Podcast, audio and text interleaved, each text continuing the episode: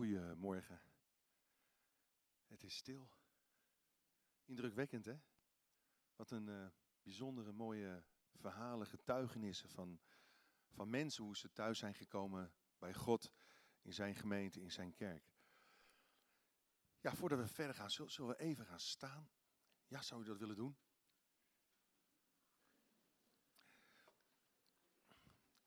Even gaan staan en um, we noemden dat, dat um, vroeger de, de salvatormassage, maar ik wil nu de CLC-massage noemen. Ja, misschien kun je even je zo omdraaien. Zo, of zo naar, ja, dan mag je de, de rug, als je dat wil tenminste, even, even masseren van degene die voor je staat. En, en als je wat uitgemasseerd bent, dan mag je je weer omdraaien naar degene die aan de andere kant staat. Ja, doe maar. En dan mag jouw rug ook gemasseerd worden. Tenminste, voor jou gaat dat niet op.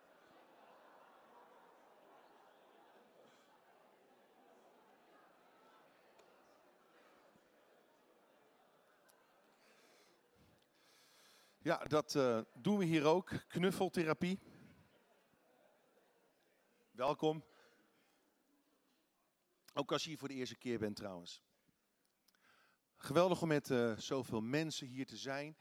Um, om uit te zien naar wat God wil gaan doen. Dat geloven wij in onze gemeente door ons heen. Ik wil kort een aantal speerpunten gaan opnoemen die de Raad heeft samengesteld voor dit komende jaar. En uh, komende week in het City Life nieuws worden ze ook helemaal uitgewerkt. Ook even hoe gaan we dat dan doen? Zodat we ook over een jaar weer kunnen kijken, hey, hebben we die speerpunten, hebben we die doelen bereikt? Uh, zo ja, zo nee, waarom wel, waarom niet? Maar dat is goed, dat is belangrijk. Um, allereerst, wat zijn een aantal speerpunten? We willen de bezoekers, mensen die op zoek zijn naar God, naar een gemeente, naar relaties die God ons toevertrouwt, gasvrij ontvangen laten weten dat we ze verwachten en belangrijk vinden. En middels een goed follow-up systeem leren kennen en verder helpen met hun volgende stap, hun volgende geloofsstap of stap van toewijding. Het tweede speerpunt dit jaar. We willen een duidelijke persoonlijke growth track vormgeven, waardoor mensen die tot geloof komen of jong in het geloof zijn, worden geholpen om een stevig fundament in hun leven neer te leggen heel mooi belangrijk speerpunt. Ten derde, we willen investeren in de ontwikkeling van leiders. Dat punt hadden we vorig jaar ook en dat kan, ik denk, misschien elk jaar blijven staan. Waarom? De gemeente kan niet zonder gezond, goed en breed leiderschap. En er zijn zoveel jonge mensen met zoveel potentie, met zoveel gaven en talenten. En het is zo mooi om dat samen te bundelen, om de krachten te bundelen en te gaan bouwen aan het werk dat God wil doen. Ten vierde, we willen een fysieke werkplek creëren in de kerk, in de bovenzaal, waar leiders en vrijwilligers één dag per week samen kunnen werken aan bedieningen, projecten en events in de gemeente. Dat is heel mooi, heel gaaf. Een werkplek die open is, ja, dat bevordert, bevordert ook de onderlinge eenheid en, en creativiteit en samenwerking. Ten vijfde, we willen getuigenissen, zoals we ook vandaag in het filmpje hebben gezien. Getuigenissen een belangrijke plek geven in de gemeente om te laten zien dat God leeft, betrokken is bij onze levens. En dat is mooi, want getuigenissen inspireren ons in ons geloof. Om te volharden, om, om door te gaan in het volgen van de Heer Jezus. Misschien verwacht je vanmorgen in deze Vision Sunday dat ik het ga hebben over methoden, over middelen, over strategieën die we kunnen inzetten om deze hele mooie speerpunten te bereiken. Misschien ben je hier gekomen en je verwacht dat ik het ga hebben over een bepaalde sound die we verder willen uitbouwen. Of een bepaalde stijl van muziek die we willen aanscherpen. Misschien ben je hier gekomen om meer te horen over principes van leiderschap. Of principes hoe je je geloof kunt laten groeien, tot ontwikkeling kan laten brengen. Allemaal hele mooie dingen, maar dat gaan we niet doen. We gaan het hebben vanmorgen over de diepere laag daaronder. Wat zit er onder datgene wat we doen, wat we willen bereiken, waar we naartoe willen werken met elkaar? Het thema is, het jaarthema, The World is Waiting. Ja, en dat daagt mij uit. Ik denk, oké, The world is waiting. Waarop? Op wie? Op wat? Vandaar dat ik het thema van morgen als volgt heb omschreven. Waar wacht de wereld op? Waar wacht de wereld? The world is waiting, maar waar wacht de wereld precies op?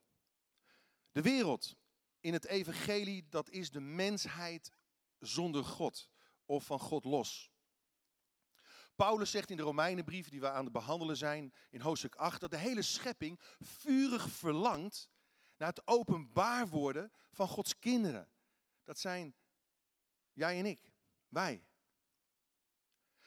En ik dacht zo van, ja maar wacht even, als de schepping dat doet, de natuur die aan een, een zekere vergankelijkheid is onderworpen door de zondeval, als de hele schepping zucht naar de openbaarwording van Gods kracht, van Gods majesteit, van Gods glorie door ons heen, door de kinderen heen. Laat staan de mensen die in deze geschapen wereld leven. De mensen om ons heen. Luister, de wereld wacht op de kerk. De wereld wacht op ons. Op u en ik. Misschien verbaas je dit. Want veel mensen hebben tegenwoordig heel weinig met de kerk. En je kunt je afvragen, ja, de wereld die staat helemaal niet op ons te wachten, toch? Hoe denken ongelovige mensen eigenlijk over de kerk? Of als je het hebt over de kerk, waar denken ze dan aan? Staan wij bekend, lieve mensen, omdat we zo vriendelijk zijn en vrijgevig? Zo leuk om mee te chillen, zo leuk en aardig om mee om te gaan? Hoe staan wij eigenlijk bekend? Als de wereld wacht, wie zijn wij? Wie zijn wij? Mensen kennen ons meestal vanwege onze tradities, onze dogma's, misschien zelfs wel om onze verdeeldheid en onze hypocrisie, onze rituelen. Staan wij bekend? Staan wij bekend? Om een goede reden. Staan wij bekend omdat we zo goed zijn voor elkaar. Zo, zo goed met elkaar om kunnen gaan. En met elkaar optrekken. Wat voor reputatie heeft de kerk in deze wereld? En dit werpt ons terug op de, op de vraag wat het betekent om christen te zijn. Wat houdt het in om Jezus te kennen? Wat houdt het in om Jezus te volgen? Wat houdt het in om met God te wandelen hier en nu in deze tijd? En waar kunnen mensen dat aan zien? Dat ik van Jezus ben. Jezus zei in zijn afscheidsreden het volgende, lees u mee. Opmerkelijke woorden. Verbluffend, verbazend. Hij zegt, ik geef jullie een nieuw gebod. Heb elkaar lief. Zoals ik jullie heb lief gehad, zo moeten jullie elkaar lief hebben. Aan jullie liefde voor elkaar zal iedereen zien dat jullie mijn leerlingen zijn. Aan jullie liefde. Niet aan jullie minachting. Niet aan jullie veroordelende geest. Niet aan jullie kritische geest. Niet aan jullie negativiteit. Aan jullie liefde voor elkaar. Zal iedereen zien, zal de wereld erkennen dat wij volgelingen van Jezus zijn. Wat, wat is hier eigenlijk de context? Jezus, hij zet het raamwerk neer voor hoe een gelovige gemeenschap eruit zou moeten zien. Jezus zit, zit op dit moment in een hele kritieke fase in zijn leven, in zijn bediening. Waarom? Hij, hij had net de voeten van zijn discipelen gewassen. En kondigt dan aan dat Judas, een van hen, hem gaat verraden. En wat hij doet, vanaf hoofdstuk 13, in het evangelie van Johannes, is voortdurend gaan praten over zijn vertrek, over zijn verwachtingen. Over wie ze zijn, zijn discipelen, over wat ze gaan vormen, wat voor geloofsgemeenschap ze gaan vormen. Hij maakt zijn discipelen klaar voor zijn vertrek naar de Vader. En hij laat ze niet verweest achter. En de vraag is, waar kan de wereld aan zien dat de discipelen aan Jezus verbonden zijn? Waar, waar zouden wij als discipelen, als gemeente van Jezus onbekend moeten staan? Om het feit dat we soms elkaar kunnen bijten en vereten en verslinden en verachten. Nee, hierom. Hey, mensen zullen inzien dat je mijn volgeling bent, niet door de grootte van je kerk, niet door je populariteit, niet door je mooie gebouw, niet door je mooie muziek, niet door je mooie lichten, niet door je liturgie of dogma's, maar door de liefde die je voor elkaar laat zien. Weet je, als wij leven zoals je van ons zou kunnen verwachten, dan kan de wereld Gods liefde niet weerstaan en niet omheen gaan en niet omheen lopen. Dan zouden mensen zeggen, als ze jou zien, als ze ons zien, als ze zien hoe wij met elkaar omgaan. Hé, hey, wat hier gebeurt, dat wil ik ook hebben. Daar wil ik bij zijn. Dat heb ik nodig. Dat is waar het om gaat, lieve mensen. Dat, dat is de axioma van deze visiezondag. De liefde waar Jezus naar verweest, heeft namelijk twee kenmerken. Twee kenmerken. Allereerst, de liefde van Jezus is heel concreet en gedefinieerd. Heel concreet en gedefinieerd. Iedereen heeft wel een definitie van liefde. En ik hou van mijn meisje en ik hou ook van een ijsje. En, en de lading, de betekenis, de diepgang van het woordje liefde is, is compleet weg. Houden van kan van alles betekenen. En Jezus zei, een nieuw gebod geef ik jullie. Oh, maar wacht even. God liefhebben met heel je hart en je naaste als jezelf, dat is toch een oud gebod? Dat was toch bekend? Dat was toch de kern van de wetten die Mozes aan het volk Israël gaf? Wat is hier dan zo nieuw aan? Dat we elkaar moeten liefhebben. Weet je, ik heb erover nagedacht en ik denk dat het heel simpel is. Waarom is dit een nieuw gebod? Het nieuwe heeft vooral te maken met Jezus, Jezus zelf. Zijn voorbeeld, zijn leven, zijn, zijn kruisdood en zijn opstanding. Een oud principe wordt opnieuw gemotiveerd door de liefde van Jezus. En de liefde onder de gelovigen vormt het bewijs van hun discipelschap. En, en dan kun je misschien je afvragen, ja, maar hoe ziet die liefde er nu uit? Die liefde ziet eruit als Jezus. Want God is liefde.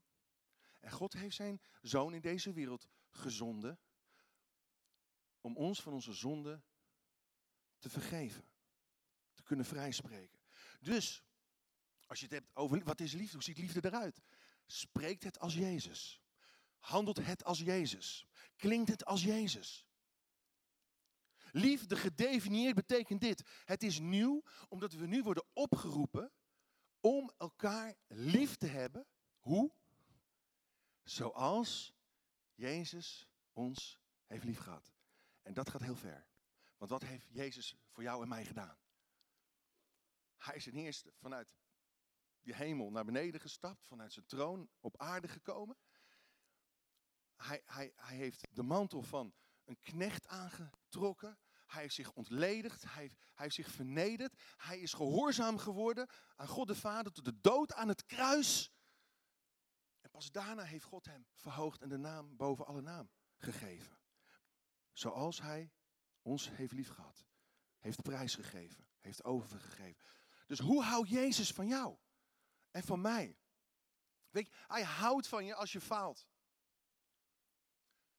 Dus hoe, hoe moet jij dan je broeder en zuster liefhebben?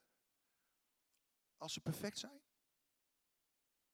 Als er niks op aan te merken is?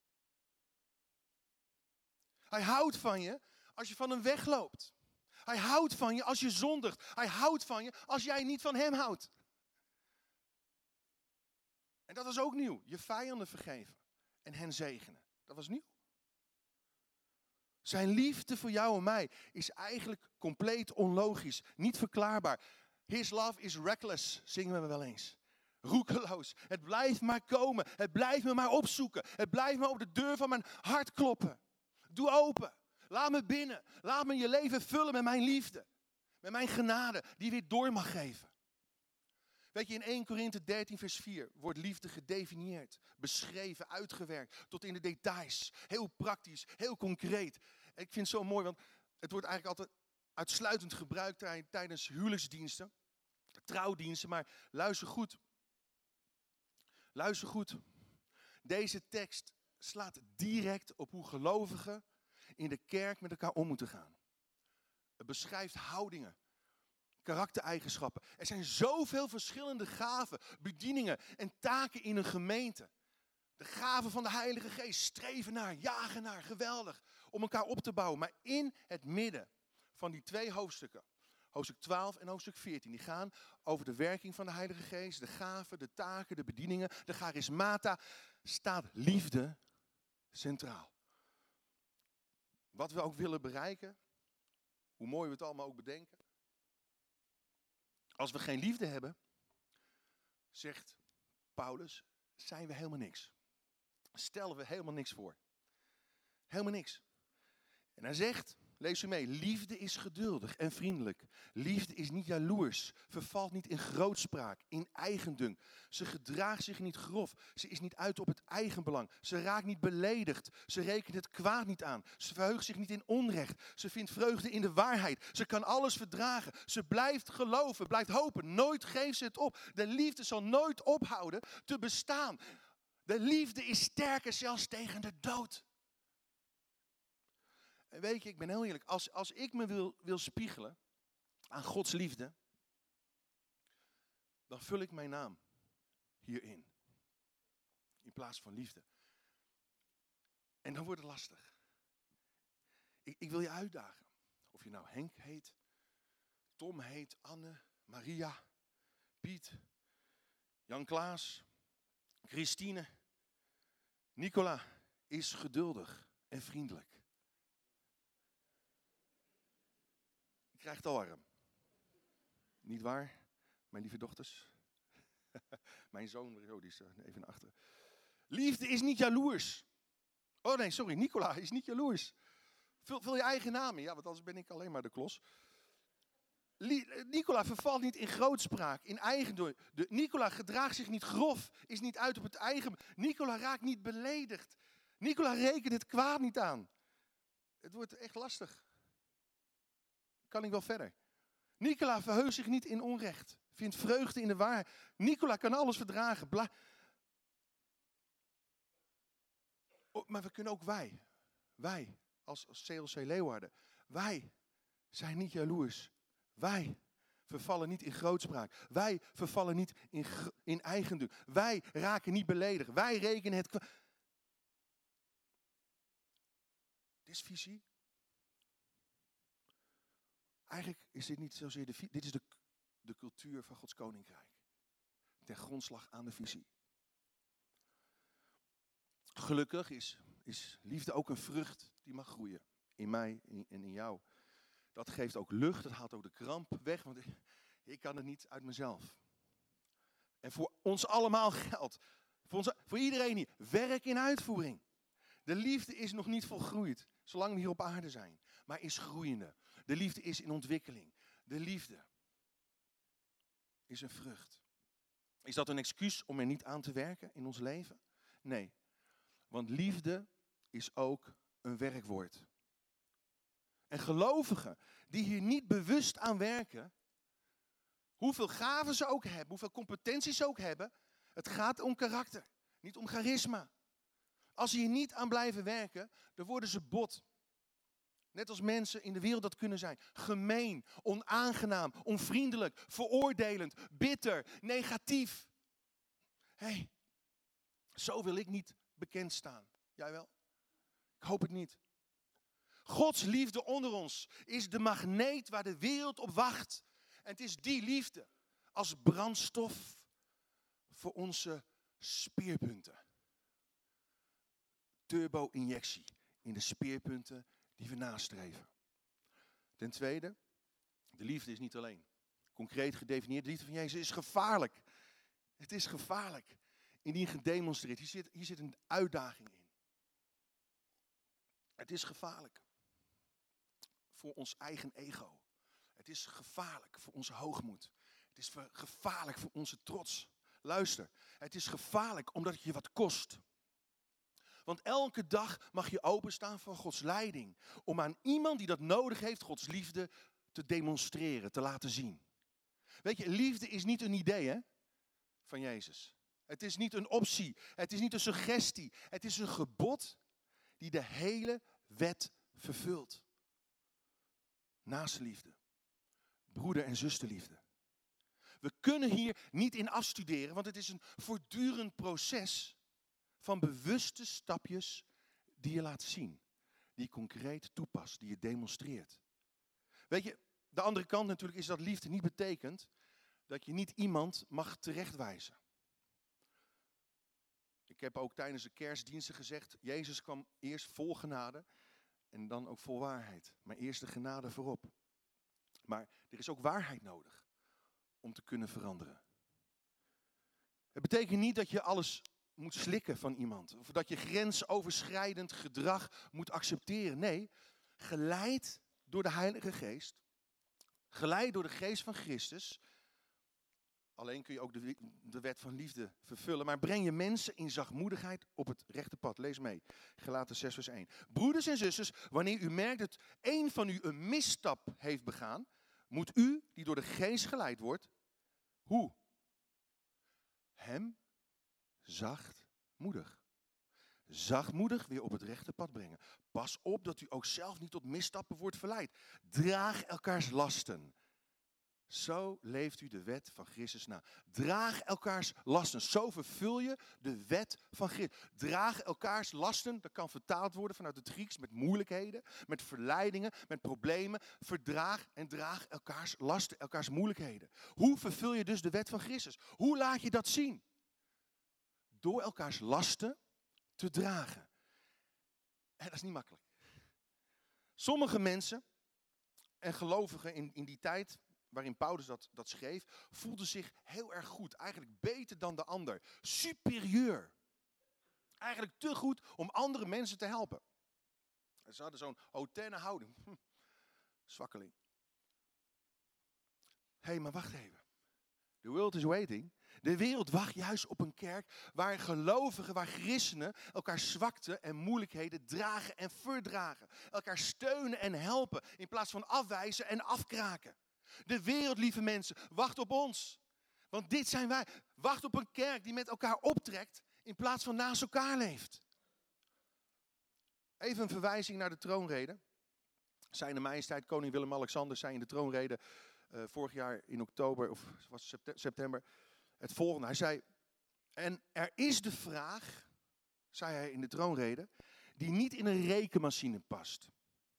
Leven we in Nederland wel voldoende met elkaar en niet te veel naast elkaar? Ook in het filmpje hebben we dat gezien. Hoe sociale media eigenlijk echte communicatie van ons wegrooft. We leven niet echt meer met elkaar, maar naast elkaar. Luister, meer dan 3 miljoen mensen vinden dat ze regelmatig eenzaam zijn in ons land. Meer dan 3 miljoen mensen. Ook hier in Friesland is de eenzaamheid groot.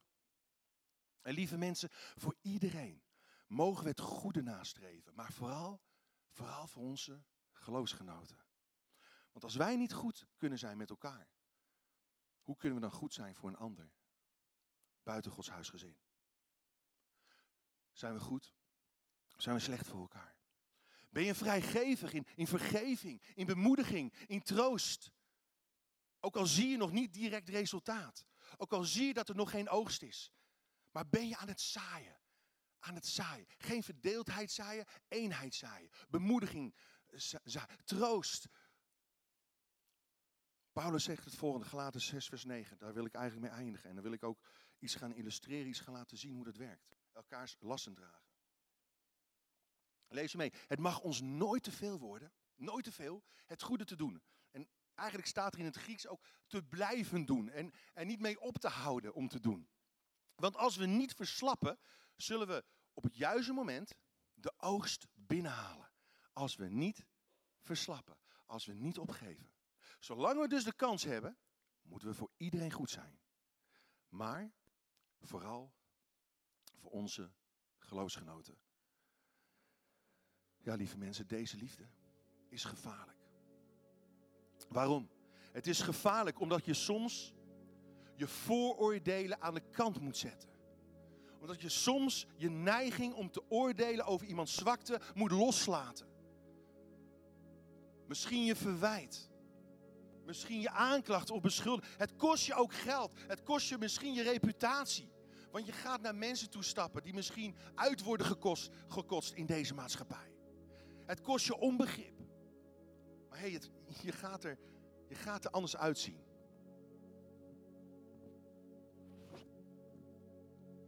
Ik krijg het warm.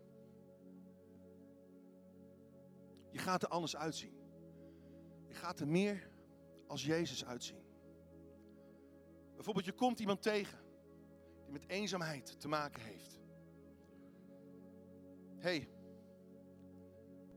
kom hier jongen. Je staat er niet alleen voor jongen. Hey. Hey, we zijn hier voor jou. Ik, ik, wil je connecten in een, bij een connectgroep. En hey, ik wil je, je bent eenzaam. Je ouders zijn misschien gescheiden. Familielid heeft kanker, wat het ook is, Heer. Ik bid voor deze jongen. Heer, zegen hem. Hey,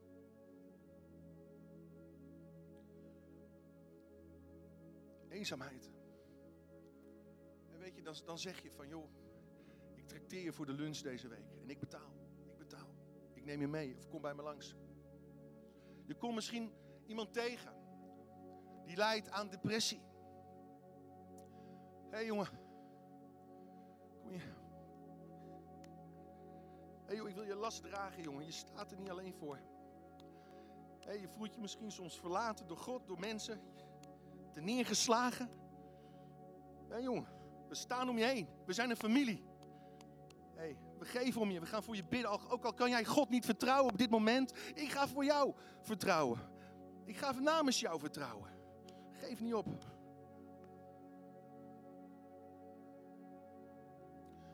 Je komt iemand tegen die met, met bullying, met pesten te maken heeft gehad. Voelt zich verworpen, verstoten, niet, niet geliefd. Jongen, kom hier. Kom. Hey. hier ben je geliefd, jongen. Hey, je mag hier zijn zoals je bent. Hey, wij, wij nemen je aan.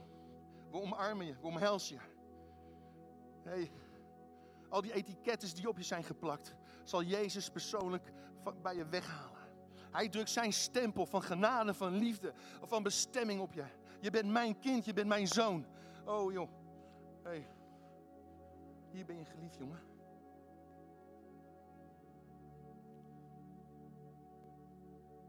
Weet je, het is gevaarlijk. Het is gevaarlijk. Je kunt zelf ook smerig worden. Maar het is wel zichtbaar. Want als jij het werk van God gaat doen, want dit is het werk van God doen. Dit is visie. Dit is het werk van God doen. Dit is de liefde van God demonstreren. Dan gaat er ook iets in jezelf veranderen. Dan, dan, dan maak je je los van je egoïsme. Van je zelfzuchtig bestaantje. Je eigen comfort. Je wordt uitgedaagd. De liefde van God daag je uit. Maar het is gevaarlijk. Het is risicovol weet je wat, ik, ik heb ook iemand nodig. Die mijn last draagt. Dat is het mooie. Verdraagt elkanders lasten. Je hoeft het niet alleen te doen. Hé hey, jongen. Ik heb je nodig. Ik heb jou nodig. Adviseer me. Ik, ik, ik heb echt geen idee wat ik nu moet doen met die persoon. En misschien wil je me meebidden met die gast die zich eenzaam voelt die zich depressief voelt, die gepest was. Wil je, jongen, wil je met, met, me bidden? Ik heb je nodig. Wil je mijn last ook dragen? En, en ook mijn verleidingen waar ik mee strijd. Wil je, wil je me voor me helpen? Wil je me bijstaan?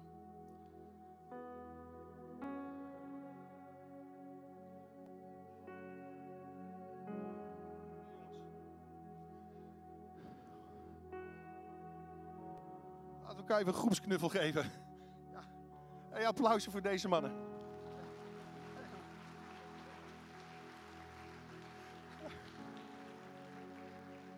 Het buikje van Johan, kan dat nog?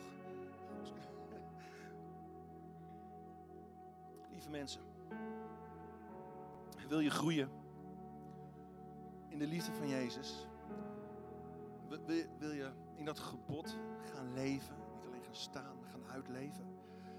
Luister, daar heb je geen conferentie nodig. Daar heb je geen bijbelstudie nodig. Daar heb je geen boek met een to-do-list nodig. Maar dan heb je mensen nodig met echte noden en problemen om naartoe te gaan, om te omhelzen. Met de liefde van Jezus, die onvoorwaardelijk is. The world is waiting. Dat is waar de wereld op wacht. Op jou en mij. Zullen we ons over de buigen, onze ogen sluiten.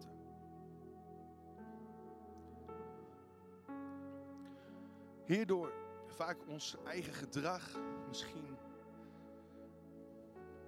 ons eigen toedoen, kunnen mensen buiten zo slecht over ons denken. En dan denken ze ook slecht over u. Dat verstoort een zuiver goed godsbeeld. En hier wilt u mij vergeven. Als ik daar debet aan ben. Heer, wilt u ons vergeven als wij misschien dingen hebben gedaan of gezegd die niet tot eer van u zijn geweest. Die uw werk afbreken. Heer, wilt u ons helpen, Heer, om elkaars lasten te dragen, elkaars moeilijkheden, elkaars verleidingen, elkaar niet af te wijzen. Geen, geen superiore houding aan te nemen, maar te zeggen, hé, hey, ik, ik, wil, ik wil niet alleen naast je komen staan, ik wil met je door het leven gaan. Misschien al strijdend, al worstelend. Want de liefde van Jezus, luister goed, is bloedende liefde. Aan het kruis schreeuwde hij het uit. Vader, ze weten niet wat ze doen. Vergeef het ze. Heer, wij kunnen niet zelf die liefde uitleven. Heer, wilt u ons vullen met uw Heilige Geest, met de Geest van Christus. En als jij dat, gebod wil gaan uitleven dit komende jaar, ga dan gewoon staan op dit moment. Ik wil voor je bidden. Misschien wil je voor het eerst een keuze maken voor Jezus, mag je ook gaan staan. Maar ook als je zegt, ik wil, ik wil gewoon gaan staan in de roeping waarmee God mij geroepen heeft. Ga dan gewoon staan, zodat ik voor je kan bidden op dit moment. Halleluja, Jezus. Ben je bereid om naar deze wereld toe te gaan? Ben je bereid om als mensen hier komen, mensen te ontvangen, gasvrij, liefdevol, zonder veroordeling? maar met die omhelzende liefde van Jezus Christus. Heer, dank u wel dat zoveel mensen zijn gaan staan. Dank u wel, Heer, dat we dat met elkaar mogen uitleven, Heer. Dat we mogen klinken als Jezus. Dat we mogen spreken als Jezus. Dat we mogen handelen en bewegen zoals Jezus bewoog en handelde. Heer, dank u wel voor de kracht van uw genade. De kracht van uw liefde die deze wereld op de kop kan zetten. Heer, zo wil ik in ieder zegenen. In de machtige naam van Jezus. Amen.